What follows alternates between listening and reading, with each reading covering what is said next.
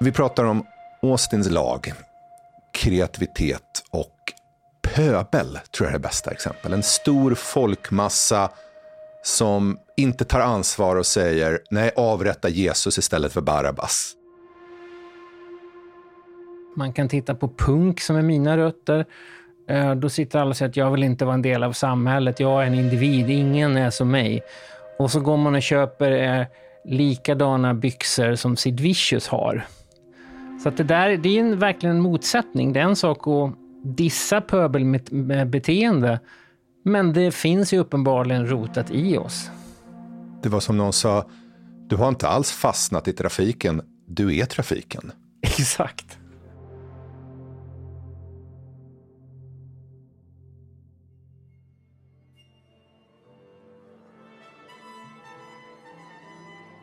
Du lyssnar på Gradvall och Magnus. Vi är väldigt glada över att den här säsongen sponsras av fondförvaltaren Adrigo. I slutet av programmet så intervjuar jag Staffan Östlin på Adrigo.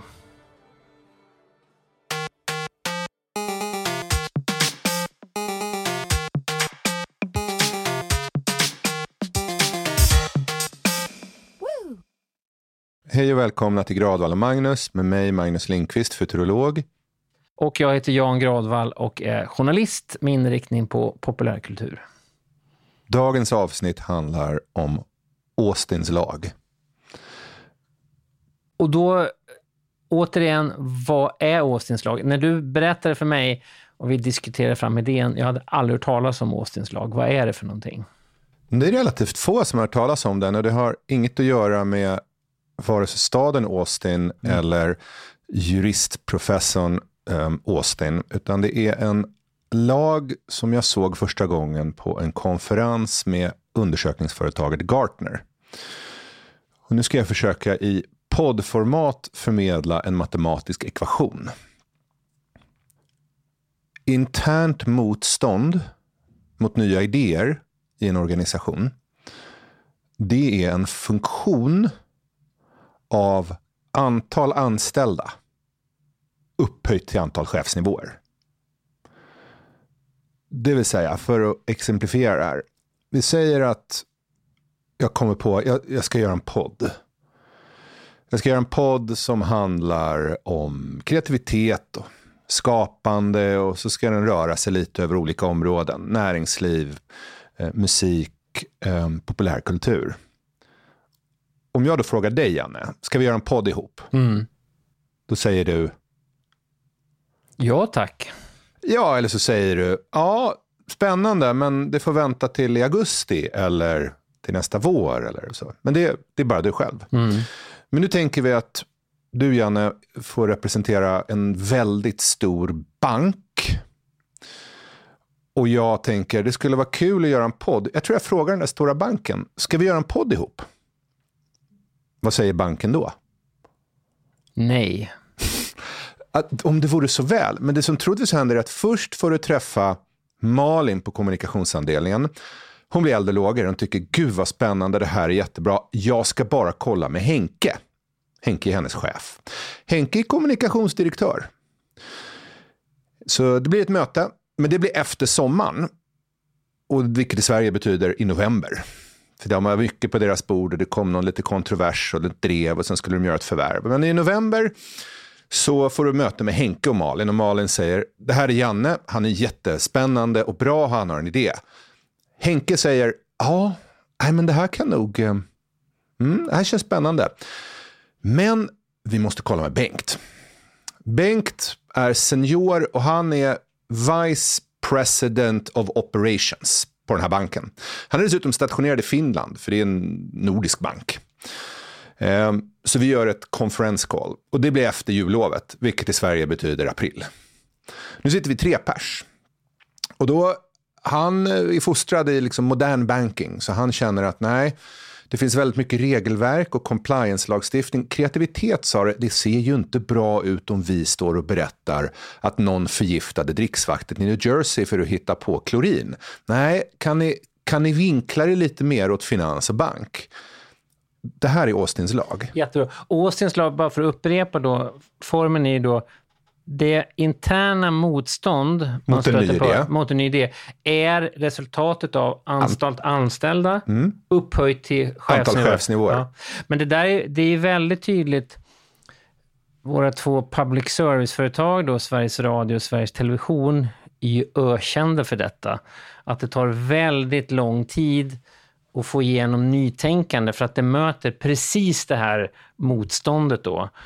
Båda de har ju förmodligen någon sorts svenskt rekord i antalet så här, mellanchefsnivåer. Att det är, jag, jag älskar public service, men just vad det gäller organisatoriskt så har de ju problem, det säger de ju själva också, men att man har då fler mellanchefer än vad man har kreatörer egentligen. Det är också intressant för att det är raka motsatsen till Netflix. Det finns ju den här boken No Rules Rules som har kommit eh, som handlar om hur Netflix jobbar. De har gjort precis tvärtom. De har ju extremt lågt motstånd mot nya idéer. Och de har gjort det genom att avskaffa alla som inte behövs. Bye bye alla, alla mellanchefer, det finns inget. Utan det är bara de skarpaste talangerna som ska vara kvar och de ger man fritt, fritt spelrum verkligen. Inklusive att de bestämmer när de ska gå på semester, de bestämmer sina arbetstider. finns inga mellanchefer alls. Alltså så har de verkligen gjort förutsättningarna bra för nytänkande. Det handlar om individuellt ansvar och poängen med Austins lag är att det tar ingen i sådana här stora organisationer. Det är därför du inte får ett nej, Janne, med din kreativitetspodd. Utan du får ett jäklar vad spännande, det här måste jag kolla av med. Och så fortsätter det. Så istället för att få ett tydligt nej, och då är det ju bara att söka sig vidare. Nej, så är du fast i utvecklingshelvetet. Månader, år och också din produkt kommer kompromissas. Mm. Det är det som har blivit lite anakronistiskt mm. med stora medieföretag. Om du och jag kom på i år, du vill starta en tv-kanal.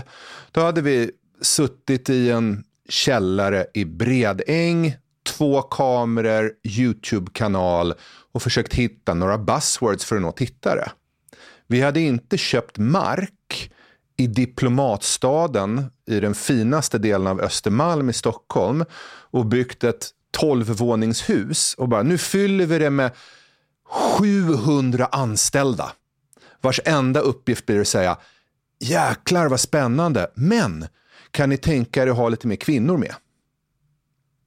Eller någonting liknande, så att säga, som då för att man, vill, man är så mån om att göra saker och ting rätt.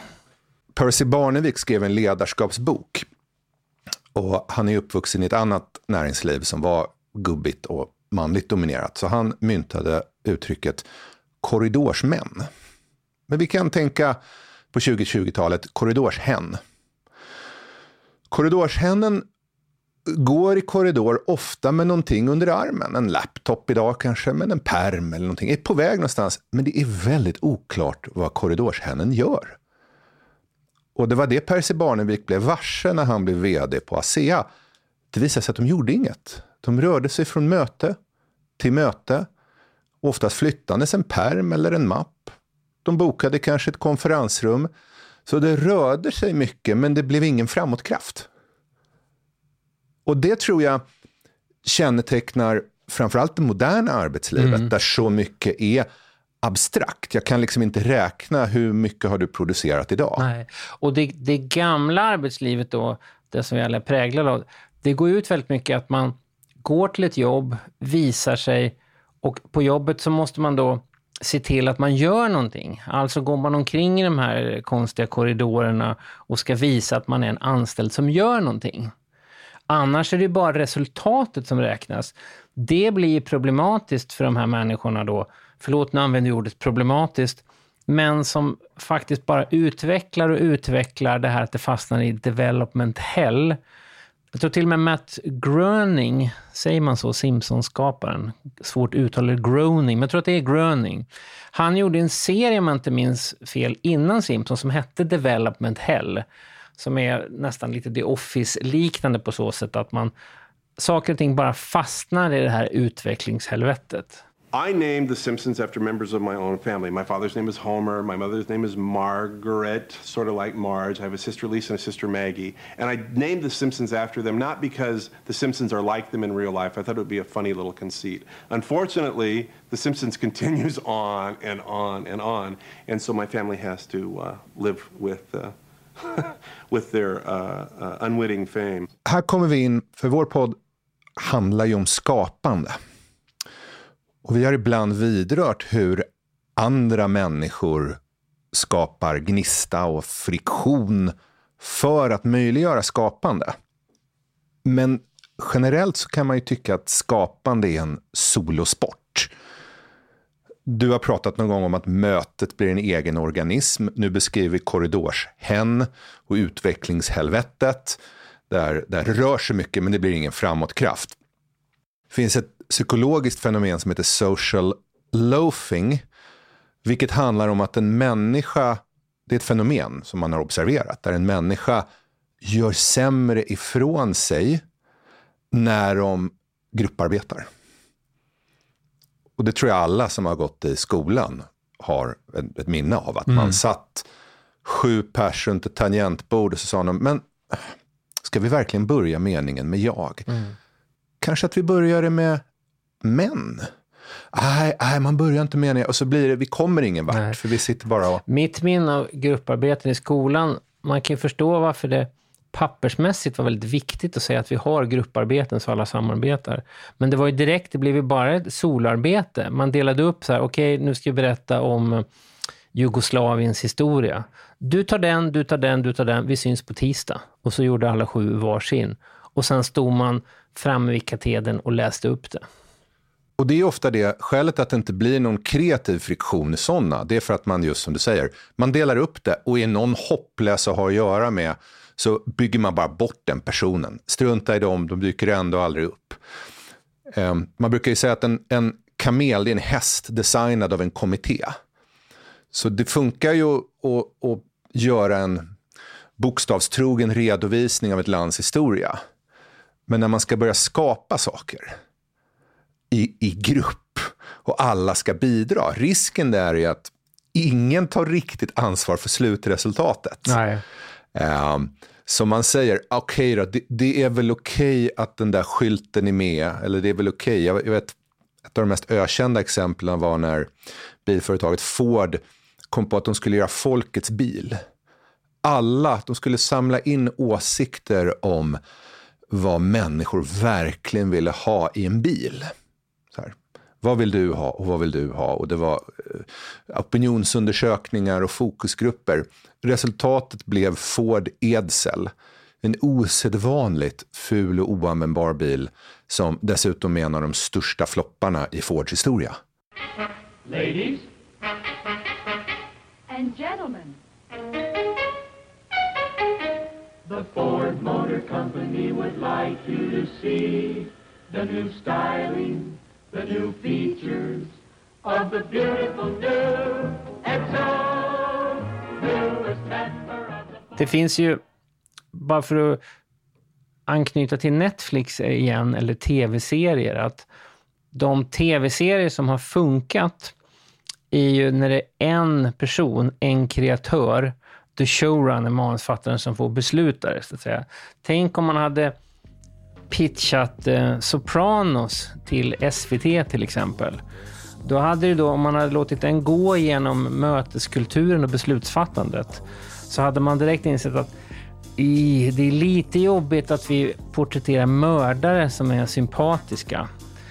Eh, och sen kanske man får igenom den, då tycker man Oh, det här är jättejobbigt att i tredje avsnittet, den person som vi har lärt oss älska, Tony Soprano, han stryper helt plötsligt en person som man inte hade behövt strypa. Alla sådana där saker kommer ju mötet och motståndet mot, inte bara förändring, utan motståndet mot riskabla idéer, de kommer ju ta bort dem. För går man fullt ut med det här, då kan man ju faktiskt få sparken. Folk kan ju säga att du är dum i huvudet eller du har gjort det här och det funkar inte, då får man ju sparken. För 20 år sedan jobbade jag med relanseringen av Lexus, en bil i Europa, en lyxbil. Och de var lite uppstickare och det är ganska svårt att komma in i Europa. Därför tyskarna vill helst köra tyskt, svenskarna vill helst köra svenskt eller idag kinesiskt svenskt. Eh, engelsmännen vill helst köra engelskt och eh, fransmännen vill helst köra Peugeot. Så att då var en lite anonym japansk byggd lyxbil är svårt. Och då kom vi på, nej men den här bilen vill jag ta fasta på nytänkande. Vi gör som ett Nobelpris. Där vi delar ut, vi ger bort en Lexus till genier. Så vi säger, och då uppmärksammar vi geniet och, och bragden i det här. Det fanns, finns idag en, en, en, fysiker, en kvinna som heter Lene Hau. Hon har saktat ner ljuset till att till och med få det att stå still. Hon har liksom stannat ljus. Och då tänkte vi bara, Lene Hau, vi vill ge dig en Lexus. Det, det, skulle kunna bli starkt och så blir man intresserad av henne och så drar man slutsatsen. Men i det kommittébaserade Toyota Motors Europe i Bryssel så tyckte man ju, ja, fast vi är ju en snabb bil. Skulle ni kunna säga att hon kan sakta ner ljuset, men hon kan inte sakta ner en Lexus? Och då har du två val. Antingen bara absolut inte, det är en idiotisk idé, vilket är det rätta svaret. Men då får du alla emot dig och riskerar att få sparken. Utan man säger spännande. Vi vill ge en Lexus till Tim Berners-Lee som uppfann World Wide Web. Och då har de så här, mm, men då kanske det är bra att ni säger att vi har en webbsida. Och det här är klassisk kommitté. Det är människor som inte tar ansvar men kastar in något. Och risken är att man missförstår begrepp som friktion och utveckling. Men man sitter på en läktare men och tror att äh, men ni kanske borde mm, förlägga det här till någonting annorlunda. Och kanske att Simpsons-figurerna inte ska vara gula. Det blir lite abstrakt bruna kanske. Då, då blir det bra. Och, och icke ansvarstagande skapande är bland det värsta man kan vara med om. Som skapare. Lexus är så intressant också för att lite off topic, men när företag själva ska bestämma nu ska vi göra det här cool, blir ju alltid katastrof nästan. I Lexus fall, eh, i början på 90-talet så var jag i Los Angeles och intervjuade Cypress Hill, eh, det mest stenade hiphop-kollektivet någonsin.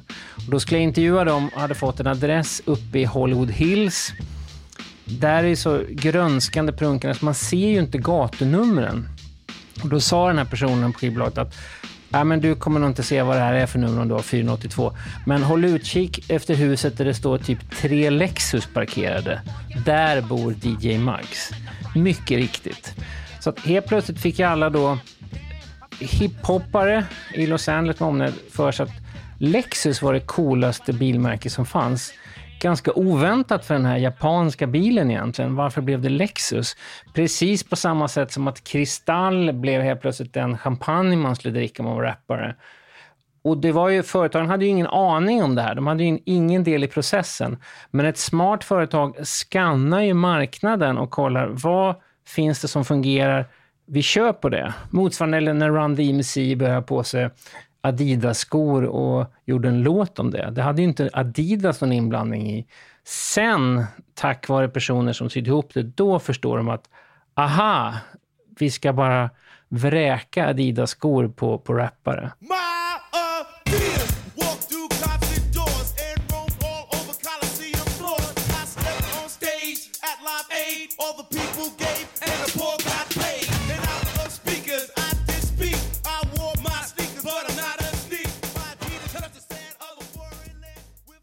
ICA kom på mitten på 00-talet att vi måste ha ett ekologiskt sortiment. För de hade liksom sett att ekologi brukade betyda så här mossgrönt, foträta skor och barkbröd. Och så började de se, ja men TED-konferensen, det börjar typ bli iPod-vitt och lite coolt och lite eh, organic. Så vi måste skapa en, en lansera liksom någonting um, här, ett litet nytt varumärke. Um, och um, då kom det då in en, en liten kommitté. Det som ibland i öknen kallas för clusterfuck.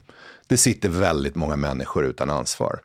Bland annat har de tagit in en fotbollsspelare från Djurgården. Som, ehm, eh, de, Djurgården har någon slags affärsakademi där de, och det har säkert alla fotbollslag, där de lotsar ut människor så här, efter fotbollskarriären. Nu måste du lära dig businessvärlden. Och då kom det en fotbollsspelare som hade spelat väldigt mycket fotboll. Och kom... Som fotbollsspelare gör. Ja, men det var typ det han hade gjort, kan man säga. Och eh, kom från orten, så alla kände att det här var stort och det var spännande och det var rätt och det var intressant. Och då fanns det en designtjej som heter Johanna som kläckte nästan på möte ett. Det borde heta Ayla Vecko, för det är liksom jag-baserat och det handlar om mig och det är modernt och det är individualistiskt. Vi behöver inte bry oss så mycket om världen och sådär. Det var ju sedermera det svaret det blev. Men fotbollsspelaren satt på ett möte och så sa han en gång, varför ska det inte heta ekologista? Och då var det ingen som sa, äh, det är ingen bra idé. Det är lite latinoklingande, jag tror inte vi ska, utan alla sa, jättebra idé. Det här måste vi ta med. Så hela resan med Vecko så fanns ekologista med. Som en så här, det kan lika gärna bli det. Och jag tror att det är symptomatiskt för det som händer i ett grupparbete är, och framförallt tror jag i ett land som Sverige, där man ogärna tar konflikter. Jag minns ju vad, vad Henrik Schyfferts kreativitetsråd är. Det är, säg ja till allt. Därför mycket självdör ändå. Det är ganska bra råd, men, men det är väldigt svenskt råd. Um, så, och, och, och, men det här åker ändå med och känns som ett fullgott alternativ. Vi pratar om Austins lag, kreativitet och pöbel, tror jag är det bästa exempel. En stor folkmassa som inte tar ansvar och säger nej, avrätta Jesus istället för Barabbas. Och, och då är det roligt för att vi människor är ju flockdjur. Mm. Några bra bildexempel man kan ta upp på det här det är om du googlar Mona Lisa och turism. Då får du en bild av ett litet, litet porträtt av Leonardo da Vinci och 13 rader människor som ska stå med selfiepinnar. Det här är pre-corona. Men det var liksom, alla skulle dit och se den. Jag minns när jag med familjen skulle besöka Reichstagen i Berlin och titta på kupolen där uppe, Norman Fosters verk. Um, då var man först tvungen att ansöka på nätet till att få köa till att köa till att köpa en biljett och sen var det kö till säkerhetskontrollen och kö till hissen. Alltså det var det köigaste köupplevelsen jag någonsin har köat i. Det kanske mest tragiska exemplet på kö det är om man bildgooglar Mount Everest Q. Då visar det sig att våren 2019 så var det några dagar åtta timmars kö. Det här är alltså människor som har suttit hemma och bara, hur ska jag kröna mitt äventyrliga, coola, bra, intressanta mitt liv? Mitt individuella äventyr. Hur ska jag kröna detta? Hur, hur ska jag liksom bli den individ som jag alltid har velat vara? Jo, jag ska klättra upp till men, Mount Everest. Men det finns ju det finns både hela populärkulturen, konsten och sen då skickligt reklamen som alltid anspelar på det här. Ingen av oss vill erkänna hur mycket pöbelmentalitet vi har i oss. Det är på något sätt människans natur. Det går väl tillbaka till det flockbeteende att man måste hålla ihop på savannen, annars blir man död. Och då lockas vi hela tiden med av folk som säger till, så, säger till oss att men du är en individ, så här, du, du vill göra det på, på, på ditt sätt. Eh, jag hörde på, på STIL, ett av Sveriges mest, bästa radioprogram som Susanne Ljung leder. Och då pratade de om smycken, olika smyckesdesigners. Och då sa den här designern att alla vill ha någonting unikt. Men sen kom de fram att det vill de ju inte alls ha, utan de vill ha någonting som känns unikt för att andra personer som man tycker om har haft samma sak. Jag menar, ska man verkligen ha något unikt så kanske du ska ha en lila eh, boll på, på, på fingret. Det är ett smycke som ingen annan har, men det har man ju inte. Likadant inom modet. Man säger hela tiden att jag vill, ha, jag vill vara en individ. Det är ju den här David Lynch-filmen Wild at Heart så säger ju Niklas Cage håller ett brandtal om att han måste ha sin snakeskin jacket. This is a snakeskin jacket. And for me it's a symbol of my individuality and my belief in personal freedom. Två miljoner ser ju denna film och går och köper en likadan snakeskin jacket som Nicolas Cage har.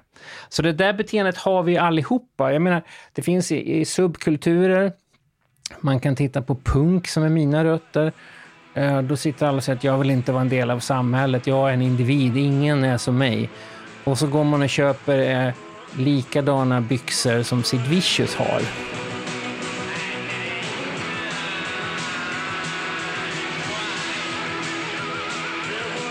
Så det där det är en, verkligen en motsättning. Det är en sak att dissa pöbelbeteende, men det finns ju uppenbarligen rotat i oss. Det var som någon sa, du har inte alls fastnat i trafiken, du är trafiken. Exakt. Skälet att det blir så här, det finns två intressanta fenomen. Det ena heter Hotellings lag. Och det är ett ekonomiskt samband som handlar om att det kostar lite för mycket att vara annorlunda. Um, vi kan ta, det exemplet man ofta använder för att beskriva det, det är två glassförsäljare på en strand. Glassförsäljarna borde ju placera sig på varsin ände. Så att det är lika långt för folk att gå och så delar de upp det. Men det som nästan alltid händer, det är att de lägger sig sida vid sida, bredvid varandra, mitt på stranden. För de kände, nej men man går eventuellt miste om något om man är sådär lite långt utanför. Jag måste vara bland de andra. Det är skälet till att väldigt många bilhallar ofta ligger bredvid varandra. Eller att man får sådana här stora köpcenter där allting finns. Det är också skälet att när man lanserar en cool ny elbil så är det inte tre hjul och Musse Pigg-öron på den, utan det ser ut som en lite halvtråkig Saab. För det kostar för mycket att stå ut. Det är bättre att passa in något sånär. Det andra vilket är ett mer ett psykologiskt fenomen, är någonting som filosofen René Girard kallar mimetiskt begär. Det här är ganska sofistikerat, men det handlar alltså om att man, man sitter inte själv och kommer på vad man vill ha, utan medvetet eller omedvetet kopierar man vad andra vill ha. Ja, jäklar ska man ha vindsvåne. Men det vill ju jag ha. Och så vill alla ha det, så blir det jättedyrt att köpa råvindar eller vindsvåningar. En gång i tiden var ju det fattiglappsboende, mm, mm. La Bohème, mm. operan. Då bor de på stackars vinden. Mm. Eh, klättra i Mount Everest. Åh, jag vill visa för världen vilken äventyrare ja. jag är. För det är väl också en del av det memetiska begäret att man som social varelse så vill man bli bra eller bättre på något som andra är bra på. Mm. För att har man ingen jämförelse så finns det inget kvitto att man är bra på någonting. Sport är en väldigt bra exempel. att Skulle man verkligen vilja vara en individ i sport så skulle man ju vara snabbast på att springa genom 212 tallar i skogen och plocka upp kottar. Man kan nog bli bäst i världen, men det är ju ingen idrottsgren så du kan ju inte jämföra med någon. Och då kan man då hoppa på skidor i en backe som är en väldigt konstruerad sak. Det gör man på grund av det memetiska begäret, att jag kan bli bra eller bättre på någonting som andra är bra på. Och det är väldigt, det vill vi alltid göra, tror att man, vi har inte den självständigheten att jag kan bara säga att jag är bra på någonting som ingen annan begriper. Nej, och sen så ta kroppsideal. Hade du åkt från tidsmaskin på 80 1800-talet, förlåt, om du hade åkt från 1800-talet tidsmaskin till i år, då hade du trott att alla har blivit så här fattiga bönder. För alla är brunbrända och muskulösa och det var ju en bondemarkör. På 1800-talet om du var en mäktig, spännande, bra person så skulle du ju vara väldigt tjock. För du hade tillgång till mat, du kunde äta dig mätt, det fanns överflöd. Men idag kan du köpa väldigt mycket kalorier billigt på Pressbyrån. Och då blir plötsligt tiden en markör. Kolla vad mycket tid jag har på att lägga ner på något helt meningslöst spinningpass på Sats. Men, och det, det blir en kroppskultur och vi fixerar idéer kring det här. Jaha, är den där personen tjock? Det måste betyda att. På samma sätt som man för 150 år är personen muskulös. Det måste betyda att. Och det här förändras ju vi, vi mm. fastnar i den kulturen. Ibland ja, utan att ja. vi känner till det. Ibland är det väldigt befriande att se någon som faktiskt verkar nästan vara helt befriad från det här. Helt befriad från det memetiska begäret. Om man tar Fran Lebowitz som exempel, som är en slags ska man förklara henne, en New York-tänkare kan man säga, som Martin Scorsese har gjort en dokumentärserie om på Netflix. Som man märker dyker upp väldigt många som jag känner tycker att hon är väldigt inspirerande för hon liknar ingen annan. I do think objectively New York was better because it was less boring.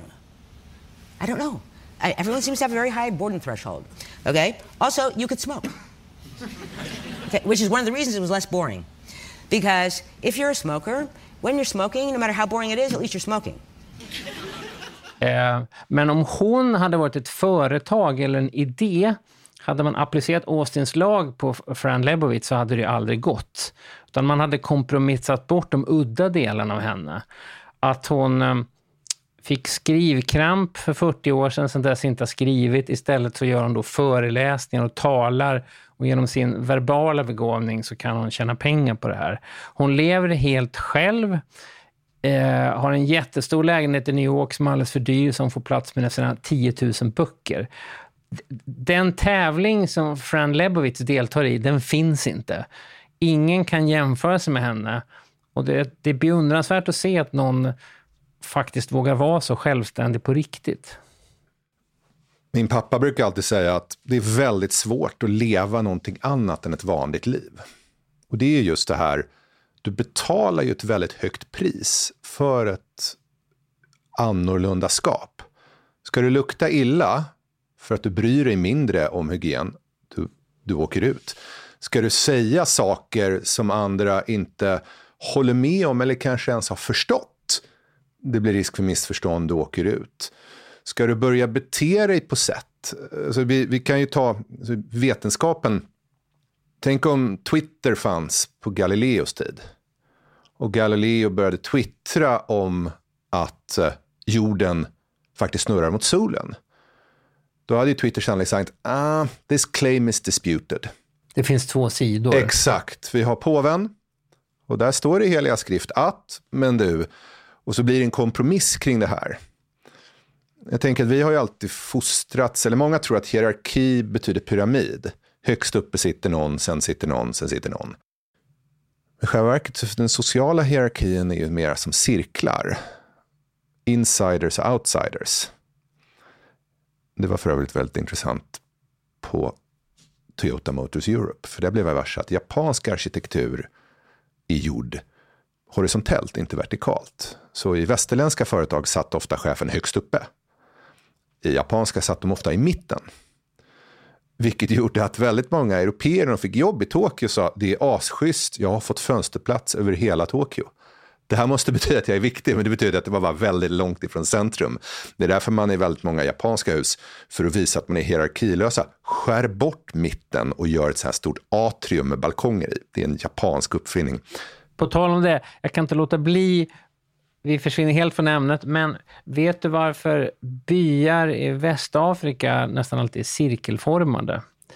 En anledning till detta som Ludvig Göransson berättade för mig, briljant filmmusikkompositör som gjorde Black Panther-soundtracket. Och han åkte då till Västafrika, studerade eh, västafrikansk musik från grunden för att förstå det här. Och en av hans lärare där var en, en mästare på taltrumma, på talking drum. Och när man kommunicerar, det är inte bara ett musikinstrument, att du berättar ju saker. Vilket han överfört det till Black Panther. Otroligt smart.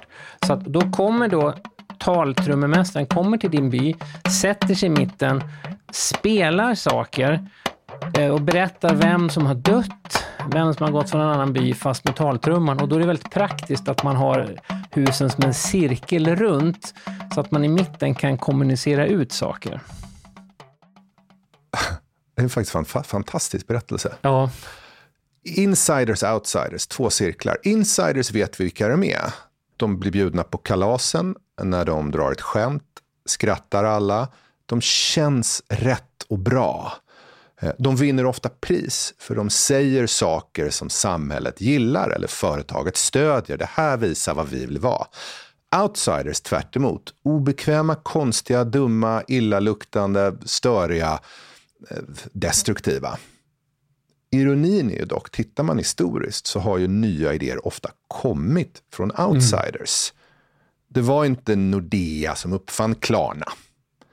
Det var inte Universal som uppfann Napster och så vidare, utan det här kom från marginalerna och kanterna och insiders försöker ju ofta skydda sig från det här. Skjuta på, baktala, motarbeta för att kanske om det lyckas långt senare säga det här har vi alltid varit med på och trott på. Och det har man ju sett. Det är ofta så att människor som har betalat ett pris socialt är ofta bättre på att antingen hitta på eller sprida nya idéer. Galileo är en sån, till exempel. Inom konsten finns det ju tusentals Konsten exempel. och näringsliv, mm. väldigt många. Och det är det jag tänker för att börja runda av. Men det finns ett fantastiskt begrepp som vi säkert kommer komma tillbaka till. Men ett tips till, till människor som vill bekämpa Austins lag eller leva med den, det är mavericity. Svenska översättningen får väl bli vildicitet. Det vill säga förmågan att ställa sig vid sidan om utanför, likt en maverick, en vildhäst. Och eh, inte vara en slav jämt till de sociala normerna. Vi måste alla vara det. Det är svårt att leva något annat än ett vanligt liv. Mm. Men att ha någon form av vildicitetsgym för hjärnan. Det är så, ett citat som jag sitter och tittar på i våra researchanteckningar som jag tyckte var så bra, som du har skrivit, är, så står det så här. Det är väldigt svårt att leva något annat än ett vanligt liv. Bo Linkvist. Och när jag så tänkte, vem är den här Bo Linkvist? Nu har ju svaret, Bo Linkvist är alltså din pappa, Magnus. Ja.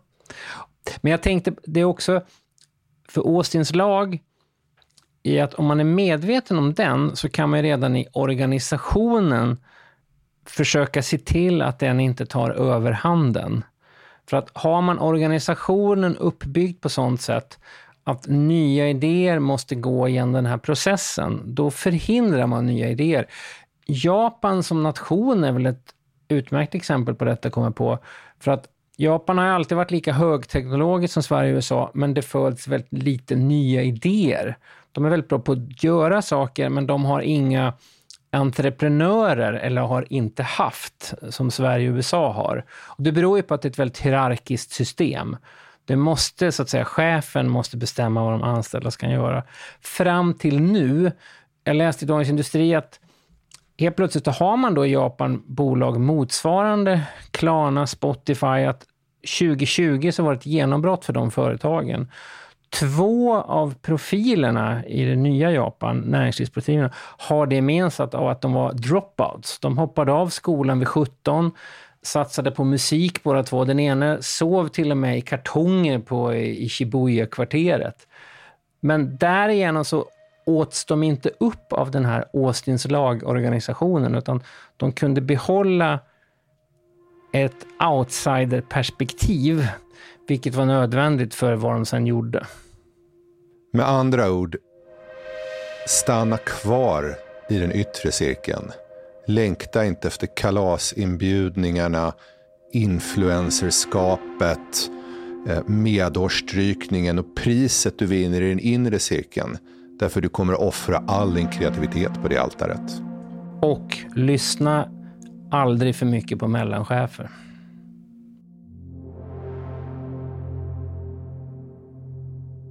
Jag heter Staffan Östlin och jobbar på Adrigo. Du har hittat investeringar som kanske då andra inte har satsat på, som du har trott på. Exempelvis det här med eh, laxodling, vet jag.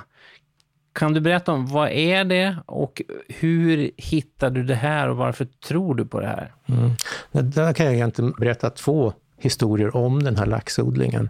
Eh, för det första ska jag säga att jag är laxfiskare själv, så att jag, eh, under alla mina år som investerare så har jag eh, haft ett lite dåligt samvete när jag träffat andra laxfiskare därför att eh, laxodling i, i norska fjordarna har en negativ inverkan på eh, både miljön eh, i havet men också på den vilda laxen. Eh, så att det har varit någonting, av en, en, någonting som man inte vill investera i. Eh, men för, eh, ja, just när vi startade Adrigo så fick jag höra talas om det här bolaget som då hade planer på att bygga en stor anläggning på land utanför Miami i USA. Eh, och det här hade, hade aldrig gjorts i stor skala tidigare, utan man hade gjort vissa försöksanläggningar och så vidare. Men, men här eh, träffade jag en entreprenör som dels hade visat att han kunde bygga bolag tidigare, så att man fick ett väldigt stort förtroende. Eh, eh, vi var ner till Danmark, till deras försöksanläggning, tittade där.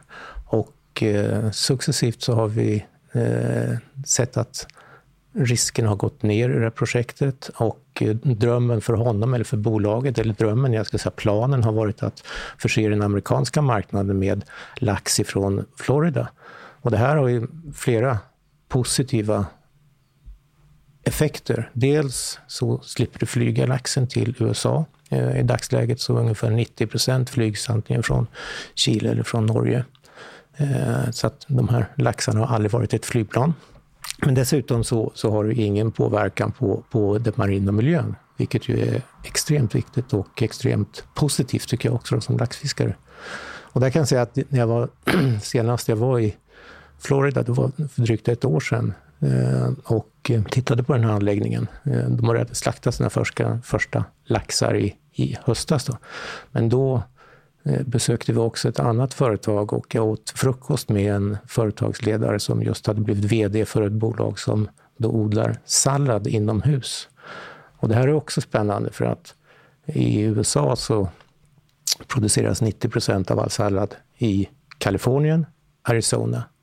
Det är då platser med vattenbrist. Jag har till och med åkt bil genom det här i Kalifornien som heter The Salad Bowl of the World, fick jag lära mig. Och det är verkligen sallad överallt intressant.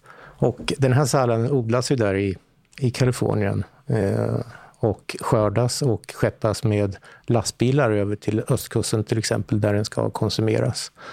Eh, det går åt väldigt mycket vatten och det här bolaget odlar då Eh, sallad inomhus kan vi säga, i gamla lagerlokaler kan man säga. I stora under väldigt kontrollerade former i form av både ljus och, och värme och fuktighet och så vidare. Och det här kan man då göra med en vattenåtgång som är 90 procent lägre än vad du har när du odlar sallad i Kalifornien eller i Arizona. Eh, fördelen här, ja dels vattenkonsumtionen men också för en konsument och så får du en färskare produkt och för en handlare så innebär det också att han kan ha de här sakerna längre på, på hyllan. Eh, och han behöver inte betala mer för det. Det är också ett exempel på någonting som vi kan hitta en investering som kan vara lönsam för oss, men som också kan vara väldigt bra för världen.